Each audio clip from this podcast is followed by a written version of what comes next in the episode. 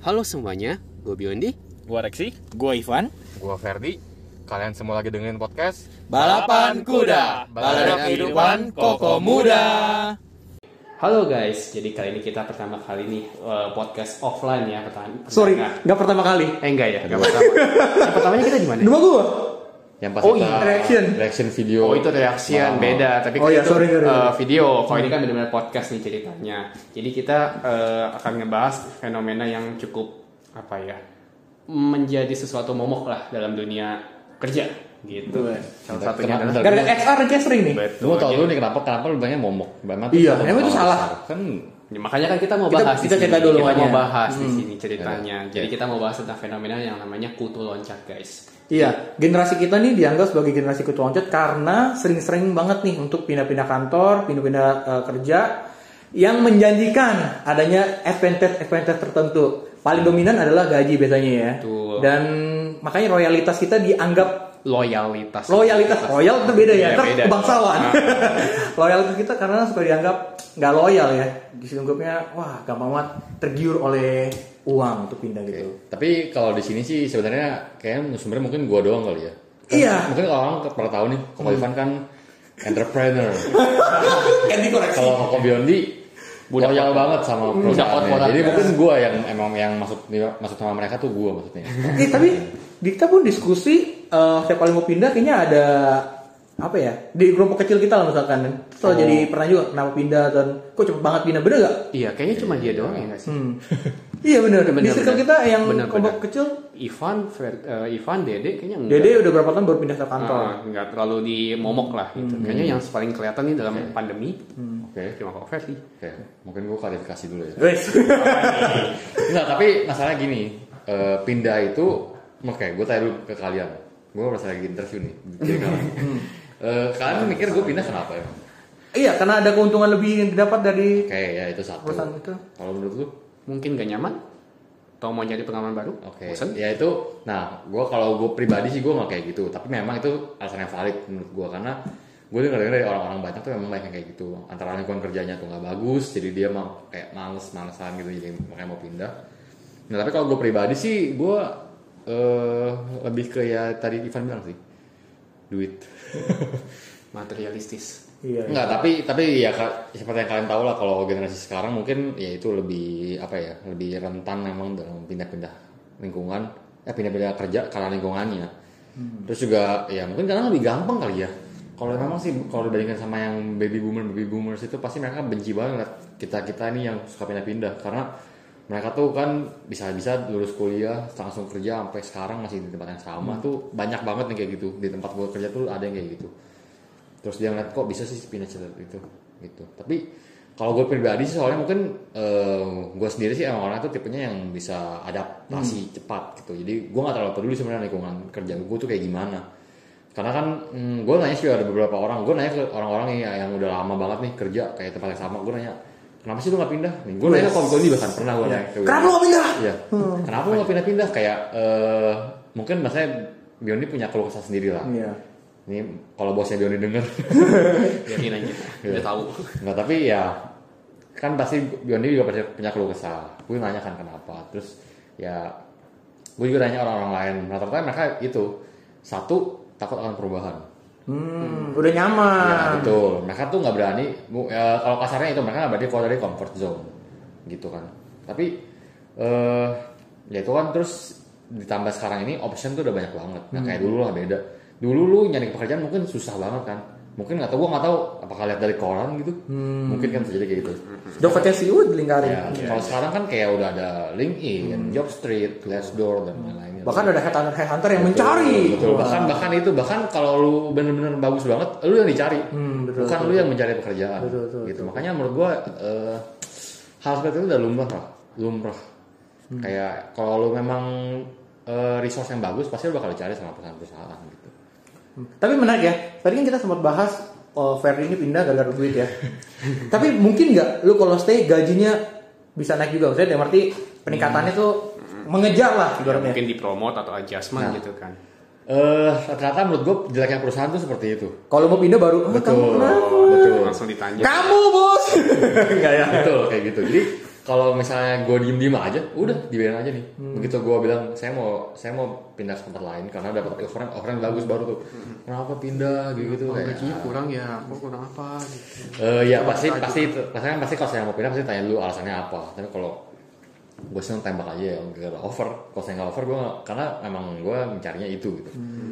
Dan ya itu habis itu udah ada udah tahu baru biasanya di adjust eh bilang dia ini kita misalnya segini nih kamu terima atau enggak itu biasanya sih kayak gitu sih. Nice, nice, nice. tapi ya mungkin eh, kalau itu kan gue dari sisi karyawan ya. Mungkin dari Koko Bion ini sebagai sisi Iya, sebagai dari SR kan lu yang sering melayani ini ya. tapi gue juga nggak tahu sih ya. Mungkin Koko Biondi kan SR nih. Bisa bilang SR SRan lah. Karena semua dikerjain. Iya. gue nggak tahu sih bahkan sekarang dia masih kerjain SR atau enggak. Kayak sekarang udah ngerjain Iya. ngurusin proyek lah. Ngurusin keluarga bos. Iya, Nah. Mungkin nanti bosnya kalau anaknya sunatan. Nah, coba cari dokter. kalau direkam. tolong tolong kamu jadi PIC ya jadi Iya, di acara, acara ini. ulang tahun anak tolong saya, kamu gitu. terima tamu Oh, iya. Tuh, tuh, tuh. Paling takut nih kalau ada begini. Tapi gimana ya? Kalau memang dibilang apa ya fenomena foto loncat ada, ada terutama buat yang golongan IT sih biasanya. Oke. Karena kalau kita tahu kan IT itu cukup cepat lah flow-nya begitu. Dan alasannya ya memang bukan karena nggak betah. Kayak Koko Ferdi bilang memang lebih ke cenderung lebih ke uang biasanya, lebih ke gaji dan benefit lainnya. Karena memang gimana ya? Kalau segi pekerjaan, segi IT itu sebenarnya mungkin ini bisa diklarifikasi kalau gue salah ya. salah Ya saya kelas dulu aja ya. Kayak misalkan kalau misalkan apa namanya, kalau IT kan cenderung apa ya? Mungkin lebih banyak berkaitan dengan coding mungkin ya, lebih ke apa full stack, front end, back end begitu ya. Nggak terlalu banyak berkaitan dengan yang kayak misalkan singgungan dengan divisi lain atau misalkan anggota tim lain gitu yang nggak sependapat atau kan misalkan eh, ya lingkungan yang toksik gitu misalkan apa namanya di sini tempat kerja atau di ya pokoknya begitulah yang kita bayangan-bayangan toxic culture gitu. Oke. Tapi kalau IT ini menurut gue sih ya cenderung ya diem aja gitu di depan PC atau laptop gitu kan ngoding maka mereka bisa WFH gitu kan gue rasa aja memang concernnya bukan lebih ke lingkungannya yang nggak bikin gak nyaman tapi memang bener murni benefit only benefit oke. mungkin ya Jadi sebetulnya perusahaan pun kalau dari pandangan HR lu kan kalau si IT ini sering pindah-pindah atau sering ganti-ganti orang nggak banyak masalah dia itu pribadi. Eh ini sebagai apa nih? Sebagai Sebagai SR sebagai bos lah, Oh, sebagai bos sebagai sebagai- pemilik company Sebagai bos gitu. ya kan sebagai bosku bukan bos. Lalu kan pemegang saham kan? Bah Karena kalau gue lihat kan misal kalau gue di bidang bangunan gitu, kalau ganti orang nih, misalkan pertama dia harus tahu history proyek ini gimana. Pasti ada bikin meja kayak gini pasti ada historinya atau bikin tembok ini. Nah kalau di IT gimana tuh? Kalau dulu dulu nih sebagai ternyata kita nanya si pelakunya. gue kayak tersangka ya. Tapi rasanya memang benar kan yang namanya hmm, misalkan sambil contohnya aplikasi gitu ya kan aplikasi atau web yang dikembangkan itu kan bukan semata-mata bisa di hand over ke orang gitu. Oh ya deh, ini udah ganti, udah ganti orang kamu kasih ke ini gitu loh. Gak bisa semata-mata itu kan harus bikin dari awal lagi dia harus bagian lagi uh, mungkin codingnya atau apanya gitu ya. Kurang lebih seperti itu. Kalau ditanya berat atau enggak ya pasti berat gitu kan. Karena kan harus nyari pengganti dan itu kan butuh waktu. Belum tentu dia eh, apa ya? Mungkin IT sekarang banyak tapi yang mungkin punya kemampuan yang kita mau itu jarang gitu loh jadi ya memang gampang-gampang susah gitu. Kalau dibilang rotasinya cepat banyak yang keluar masuk ada. Nyari penggantinya susah gampang-gampang susah juga. Gitu sih. Setuju? Enggak? Atau gimana? Eh, mungkin gue mau klarifikasi juga deh. Kan tadi kan tadi kan kata Koko Biondi kan kalau kalau salah benerin gue ya. Oke gue bilang salah. Oke, saya keluar salah. Eh, enggak dong. Kan tapi salah bukan berarti itu hal yang Iya, buruk. iya. Betul, kan gue gue mengkoreksi dari sudut pandang gue ya. Oke boleh Eh, gue pribadi sih gue bukan IT yang bener-bener IT yang kayak lu bilang yang full stack back end front end gitu gue kayak gitu. Tapi eh, mungkin menurut gue bagusnya di dunia IT itu hmm, ya itu. Kayak itu kan bahasa tuh lumayan universal lah. Kayak bahasa pemrograman Java lah C++. JavaScript ya gitu gitulah intinya. Python. jadi eh, nggak nggak bikin eh, silo gitu. Kalau misalnya orang-orang di dunia dunia tech gitu pasti bilang silo. Jadi kayak knowledge-nya tuh dia tahu sendiri terus di biasa di IT itu ya ada yang namanya bikin dokumentasi. Jadi kalau saya emang pindah pun ya lu mesti handover lu mesti dikelar dokumentasi lu mesti handover. Bahkan kalau misalnya udah nemu penggantinya sebelum dia cabut lu ngajarin dulu ke pengganti lu. Harusnya sih begitu. Harusnya ya ini kalau Idealnya. perusahaannya bener ya kalau perusahaannya bener ini baik perusahaan. Ya, betul. nah, ka- itu kan idealnya begitu. Ya, tadi apalagi sih gue lupa ngomong apa. Banyak banget tapi gue masih kayak eh, eh, eh, oke. Apalagi ya oh kalau soal lingkungan eh gue kurang setuju sih kalau saya bilang IT kerjanya cuma di IT doang coding doang enggak sih Emang mereka robot. Hewannya memang iya. Enggak, karena karena begini loh. Karena eh, semuanya itu tuh pasti kan dia bikin sesuatu ada atasnya lagi. Maksudnya ada seseorang yang meminta dia bikin ini gitu. Hmm. Contoh kalau misalnya lu bikin misalnya eh, aplikasi e-commerce lah misalnya, anggap. Eh, nggak mungkin dong si IT tiba-tiba lagi ngoding gue, eh gue mau bikin ini ya. Wih. Kan nggak kayak gitu. Pasti ada dari orang bisnisnya, Usernya, usernya. usernya yang bilang gue mau punya kayak gini nih. Biasanya tuh makanya ada business analyst, ada product owner gitu gitu. Itu tuh banyak banget. Jadi hubungan itu banyak banget. Bahkan kalau misalnya kalian tahu sekarang tuh eh, ini udah agak teknis sih. Jadi sekarang itu tuh udah agile kalau orang bilangnya cara kerjanya. Jadi di satu sekarang kayak ada satu tribe isinya tuh ada developernya, ada product Udah ownernya. satu tim udah paket lengkap. Betul. Satu tim paket lengkap. Betul. Itu tuh udah pasti banget lu bakal berinteraksi dengan orang. Karena bahkan hampir setiap hari lu bakal meeting. Ada daily, ada daily stand up, daily meeting gitu-gitu lah intinya. Ada terus ada clock in clock outnya gue juga ini pokoknya nggak nggak melulu bener-bener eh, yang ngoding doang di depan komputer tuh enggak sih. Pasti justru menurut gue malah banyak berinteraksi dengan, dengan orang lain gitu. Dan eh, ini pengalaman orang-orang ya dari teman-teman gue, gue sih denger-denger doang ya banyak ada yang konflik-konflik juga dari situ. Oh. apalagi kalau misalnya kayak nggak kerjasama yang kurang bagus gitu kan. Terus kayak ada yang ambis banget misalnya yang kayak gue mau per- kerjaan ini tuh pokoknya semua gue yang kerjain gitu. Padahal kan misalnya enggak ada yang kayak gitu kan itu kan memicu konflik banget gitu. Jadi eh menurut gue sih sebenarnya balik ke pribadi orang pribadi orang lagi ya masing-masing. Kayak gue juga temen gue banyak banget juga yang kayak gitu yang sebenarnya yang stay stay udah lama tuh banyak banget gue kan dulu kan di bank yang besar itu Iya. Number one in Indonesia. ya nggak number one lah Oh udah number one. number one yang private ya Oh, Oh, yang private Private. iya. Kalau yang Malaysia Kalau yang beda. bukan yang eh, BUMN. Oh iya, oke oke oke oke. Harus hati-hati nih klarifikasinya nih. Oh, iya, oke oke ya gitu. Jadi teman gue banyak yang masih stay di situ gitu. Jadi eh, mungkin cuma gue doang sebenarnya. Orang-orang juga juga begitu tahu gue dari sana tuh pasti nek, ah kenapa lu pindah? Oh, iya. There's a good opportunity. Iya, Why orang you go?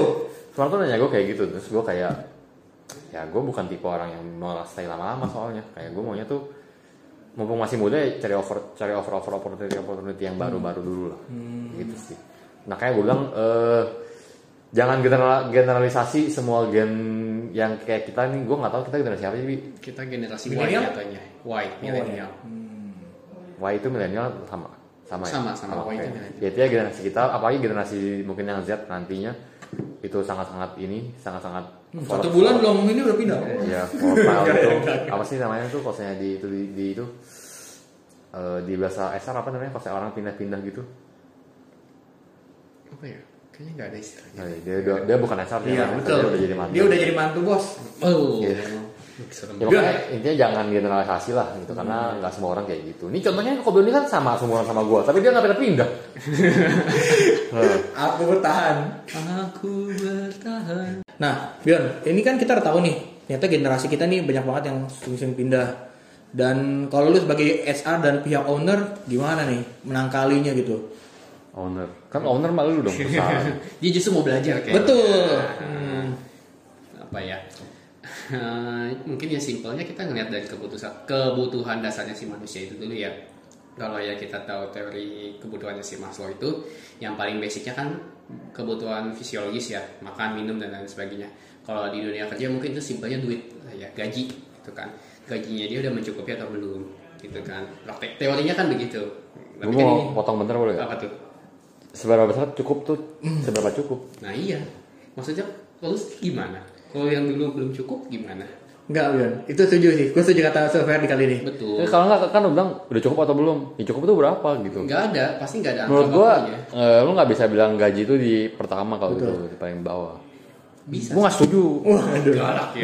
Kita dengar dulu teorinya. Kita dengar dulu. Kan teorinya gampang. Oh, iya. Rasanya susah. Ini ini berarti bukan bukan Maslow. Lagi nih dia. Bion di low. Ya, gan, gan, Gandalo. Gandalo. Gue bikin teori baru ya. Siapanya outpouring? Lu bikin udah di udah peer review belum? Belum sih. Tapi gue ada penelitian yang udah dipilih. Wih. Wih, sombong. Udah kalau Tadi sampai mana? Ya, kalau bicara soal gaji cukup atau enggak itu sih eh, ini nyambung lagi ke ketika lu harus tentuin eh, sebagai owner maupun sebagai company ya lu harus tentuin basic range salary buat posisi itu berapa gitu di, misalkan eh, di perusahaan misalkan perusahaan sekarang nih eh, misalkan basicnya misalkan dari dia dari pokoknya ada range-nya lah gitu ya. Kalau selama itu masih tahapannya dia masih masuk dalam range itu atau atau misalkan kalau misalkan dia mau naik apakah dia bisa mungkin promote kan? Di promote kan berarti kan levelnya naik range-nya juga beda lagi dong. Nah itu apakah dia capable buat di situ? Kalau seandainya ya itu yang paling mentok kan. Pasti kan ada range-nya itu yang justru yang safeguarding-nya buat perusahaan gitu. Jangan Oke. sampai salary-nya itu over. Oke, justru kalau soal ngomongin gaji ya, ini ini lebih kontroversial lagi sih. menurut apa tuh? Eh, menurut gua gaji itu harus di open. open Harus semua orang tuh harus tahu gitu. nggak boleh Nah itu itu menurut gue salahnya. Kayak gini, kayak misalnya nih, gue sama lu misal, gue gue punya gaji misalnya 10 juta, Mm-mm. lu punya gaji 6 juta misal. Mm-mm. Misalnya posisi kita sama, menurut lu adil gak? nah se- ya nggak adil Nggak adil kan? nggak adil Terus ya itu seberapa cukup tuh cukup seberapa cukup kah cukup itu gitu. Nyata 10 juta head on, punya istri dua. makanya Misalnya enggak Kita single, gini loh kan kalau kalau dari teori gue kan lu bilang perusahaan tuh harus punya harus punya range-nya berapa sampai berapa. Nah, kenapa harus beda-beda? Kalau misalnya Oh, kalau kalau beda-beda. misalnya nih, kalau misalnya semua sebuah karyawan itu tahu gitu kalau oh kalau gue posisi ini, jabatan gue ini, gaji gue bakal segini. Itu kan mungkin ada kesenjangan antara gaji gitu. Jadi lu juga tahu gitu, oh ini yang gue dapatkan, gue bakal dapat segini gitu. Nggak ada lagi tuh yang namanya kok di perusahaan gue dapat segini ya, nah, segitu loh. Maksudnya kayak apa ya? Hmm, itu tuh sebenarnya menurut gue lebih gue juga gak tahu sih kenapa orang-orang tuh sangat-sangat menghasilkan gaji tuh gunanya itu apa gitu gue nggak tahu sebenarnya. Gunanya tuh cuma menguntungkan perusahaan doang sebenarnya. Hmm. dan ya biar gak cemburu sosial sih ya palingan maksudnya ya kayak itu balik ke perusahaan lagi dong. Harusnya ya, dia harusnya nggak kayak gitu dong. Dia harusnya nggak boleh membeda-bedakan kayak misal gue punya gue malu kerja sama jabatan sama masa iya gajinya beda? Bisa. Tapi mungkin aja maksud gue ini kan siapa tahu di posisi sama tapi ternyata satu kerjanya lebih cepet Lebih atau baik. mungkin komunikasi lebih jago gitu. Siapa tahu itu jadi poin plus. bisa kerjanya lebih lama gitu ya dia udah lama duluan nggak mungkin yang sama kayak nah baru ya itu beda lagi itu itu performance bonus lah Oh, jadi lo hmm. jadi basic salary-nya tuh udah tahu jadi Jadi kalau lo pribadi lebih suka semua basic bonus sama, Iya. cuma kan masing-masing ada si oh Ya itu maksudnya supaya nggak memunculkan kecemburuan itu loh.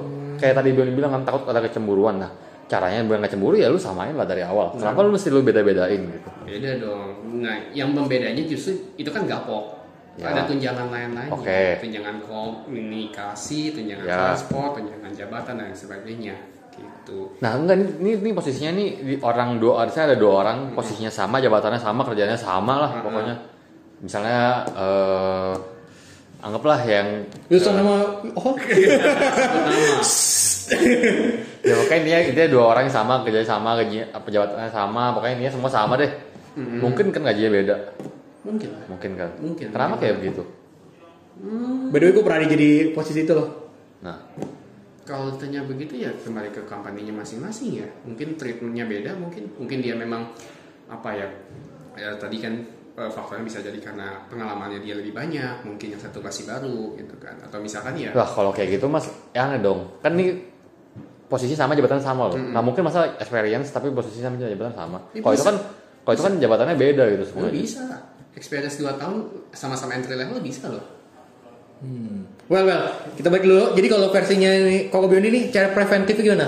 Oke duit, kayaknya duit memang Duit jadi itu masalah. sebenarnya kompleks. Iya, masalah dia. Sebenarnya kompleks. Cuman kan ya teorinya kan eh, basicnya company kan harus kasih gaji yang sesuai lah buat supaya dia bikin dia bertahan kayak Hmm. Friendly ini contohnya gitu kan.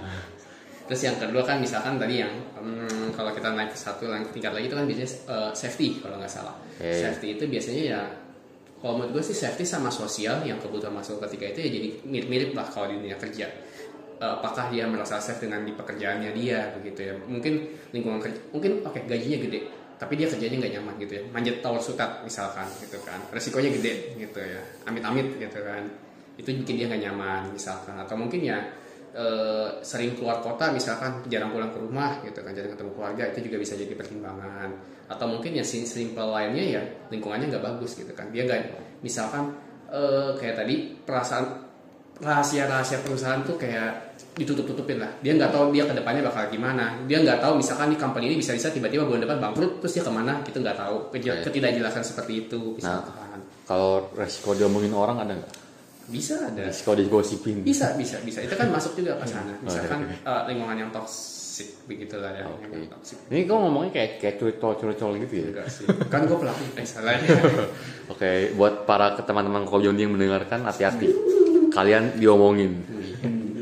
Oke. Iya, iya. Terus ya, ya begitu sih palingan ya paling membuat ya lingkungan yang nyaman gitu ya untuk bekerja caranya ya tadi kayak simple paling simple hal paling simple dan paling basic mungkin gaji gitu kan ya. Tapi hal lainnya juga bisa digajikan kalau kita kembali ke yang paling pertama lagi kan kadang tuh kalau perusahaan-perusahaan yang startup atau yang keren-keren sekarang tuh kayak misalkan yang lamanya hijau itu e-commerce.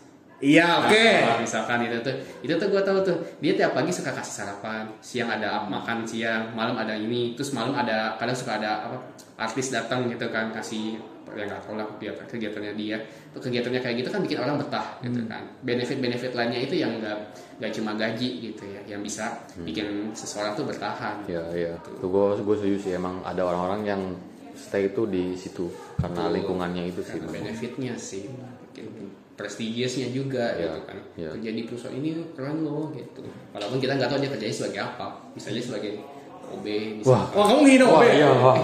Nggak boleh, nggak boleh nih. Kita Cancel kita cancel, kita cancel. tapi kurang lebih begitulah contohnya lah ya Hmm. tapi kan ada kebanggaan sendiri kan biasanya Itu baru layer kedua. dua ketiga sih sebenarnya. Apa kan mulai ratus makin penting makin bisa bisa Itu berarti bukan bukan piramida dong, iya itu bisa. Ya udah gue lanjutin nih ya masih ada Singkat, singkat, singkat. Jadi ya. ini bukan bukan piramida lagi gitu. Iya. Ini Nah. gandalo ini trapesium. Ah ini juga mungkin persoalan dulu gue pernah eh, pernah eh, berpikir juga sih yang di sini masalah aktualisasi. Jadi kan tahap berikutnya kan aktualisasi lah kurang lebih ya. Jadi apakah ada hard career progression di perusahaan itu gitu kan? Apakah dia bakal stuck di sana terus atau misalkan ada oh misalkan kalau kamu misalkan mau naik jabatan atau naik gaji kamu harus ngerjain ini harus targetnya segini gitu kan? Itu kan jelas dong. Ya. Kalau dia jelas kan pasti ada target. Kalau dia emang ambis atau emang dia ada tujuan ke sana dia kan pasti berusaha. Tapi kalau misalkan ya udah udah gini terus nggak tahu sampai kapan, ya udah itu kan bikin orang nggak betah kan. Bikin orang jadi bete, gue nggak jelas di sini, gue nggak ada kejelasan ya udahlah gue cari yang lebih jelas aja yang lebih baik gitu. Gitu sih prakteknya nggak tahu tiap perusahaan Iya. bisa beda-beda. Ya, tapi gua rasa ini memang akan jadi tren sih. Mungkin mesti berapa tahun ke depan ya. Mungkin kata Covid bener jangan generasi selanjutnya lebih cepat lagi kita nggak tahu ya. Tapi tahu bahkan ada tren kayak di Jepang kan eh, satu perusahaan seumur hidup kan punya tren, maksudnya punya lifestyle gitu. Ya tahu apakah jangan Indonesia akan punya lifestyle seperti itu atau Dulu kayak gitu justru. dulu Indonesia juga gitu. Enggak menurut gua ya itu kayak gue bilang eh, ya di tempat kerja gua kan nggak mungkin semuanya orang Oh betul orang-orang yang lebih Iya gue nanya eh, berapa tahun di sini dari lulus kuliah. Kaget nggak lu? Maksudnya kayak gue sih merasa kayak hmm. ad- maksudnya gue ya gue ngerti sih jam orang zaman dulu pikirannya kan mungkin beda sama Iya, iya. sekarang dan satu lagi kebutuhan hidup zaman dulu sama kebutuhan hidup zaman sekarang juga beda. sekarang makin banyak lifestyle ya. Bensin naik terus.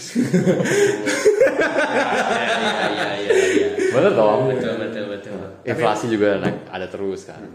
Itu juga jadi sudut pandang be- yang beda sih kalau mau ngebahas masalah perbedaan generasi ya. Ah, tapi kita nggak bahas generasi. Enggak, itu lanjut episode aja ya.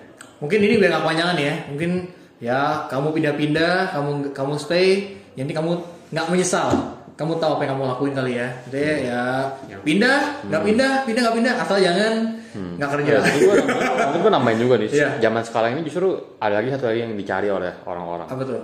Bisa WFH. Hmm, remote ya. Itu salah satu yang dicari-cari loh sama, karyawan. Sebenarnya dan perusahaan pun juga beberapa tuh udah udah memar- memarketing memarketingkan Kan hal tersebut ya. hal tersebut, Itu iya. sebagai benefit Betul, itu, itu, itu, itu salah satu nilai jual perusahaan itu. Dia bahkan dia bahkan bilang eh, salah satu ketujuan remote working tujuannya buat mengattract Hmm. orang-orang buat bisa ke sana. Karena orang udah dari dari yang WFH tuh kayak udah merasa lah kayak lebih enak tuh WFH. Gua nggak tahu sih, ada- ya itu baik pengalaman pribadi, cuma kayak ya itu salah satu nilai jual juga gitu. Kayak ya itu salah satu perkembangan zaman juga gitu. Mungkin dulu nggak mungkin kan orang ada orang mikir kayak gitu. Sekarang ya bisa kayak gitu. Iya, pandemi membawa apa ya? Fresh Iya gitu. lah Maksud ya. gua eh, ya kita bisa lihat dari itulah contohnya contoh yang paling mungkin agak konkret lah. Kita bisa merasakan eh, beberapa tahun lalu nggak mungkin, Nggak ada- mungkin. Ada, orang bisa kepikiran kalau gue bisa kerja dari rumah tuh kayak ya ada cuma nggak sebanyak itu gitu. Iya. Cuma kalau sekarang tuh hal udah yang lumrah.